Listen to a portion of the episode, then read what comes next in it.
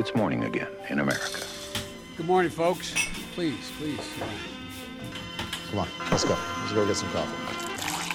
Thank you very much. Det er torsdag 21.9, og morgenkaffen fra amerikanskpolitikk.no er servert. I går talte Barack Obama ved Gates Foundation i New York, eh, og han kritiserte bl.a. republikanernes siste forsøk på å fjerne Obamacare.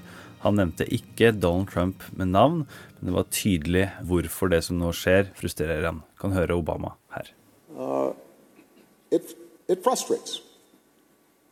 And it's certainly frustrating to have to mobilize every couple of months to keep our leaders from inflicting real human suffering on our constituents. But,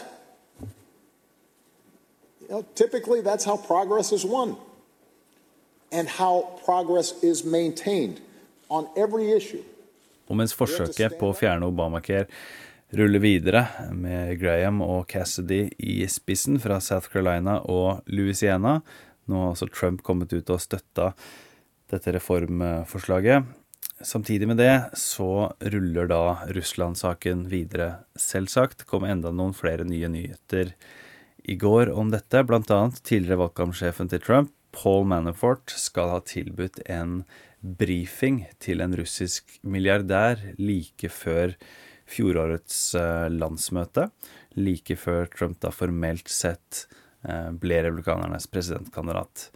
Men mer interessant enn det så rapporterer New York Times at Bob Mueller, spesialetterforskeren, nå også ser nærmere på Trumps tid i Det hvite hus. Han skal ha etterspurt informasjon om flere møter, eh, og da i tilknytning til sparkingen av tidligere FBI-sjef James Comey. Trump kan imidlertid trøste seg litt med et bitte lite oppsving på noen meningsmålinger. Det er Politico sin måling som viser et lite oppsving siden sommeren, mens 538s gjennomsnittlige approval rating viser at Trump da har sneket seg opp fra 37% som gir en tommel opp, til rundt 39% nå. Så ikke veldig mye bedre, men ikke fullt så ille.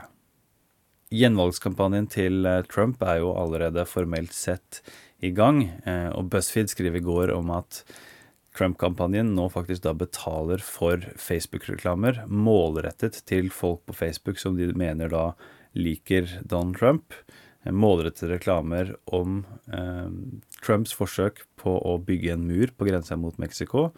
Eh, det interessante eh, og ironiske er jo at i valgkampen sa Trump igjen og igjen at det jo er Mexico som skal betale for denne muren. I disse Facebook-reklamene så oppfordres imidlertid Trump-tilhengere til selv å donere penger eh, i forsøket på å bygge en mur og ikke et gjerde, som det påpekes. Eh, og disse reklamene kommer da både fra Facebook-kontoen til Don Trump og fra visepresident Mike Pence. Dagens utgave av Morgenkaffen er servert av Lene Marita Berg Herman og undertegnede Are Togflaten. Du abonnerer ved å gå til ampol.no kaffen. Nå skal vi høre et lite utdrag fra gårsdagens Late Show med Stephen Colbert. Eh, og han spiller da et klipp av hva Donald Trump sa i går. Kos deg med det, og så snakkes vi i morgen. And today, uh, Donald Trump hosted a lunch for African leaders and began his speech with a creative list of those countries. I'm greatly honored to host this lunch, to be joined by the leaders of Cote d'Ivoire, Ethiopia, Ghana, Guinea, Nambia.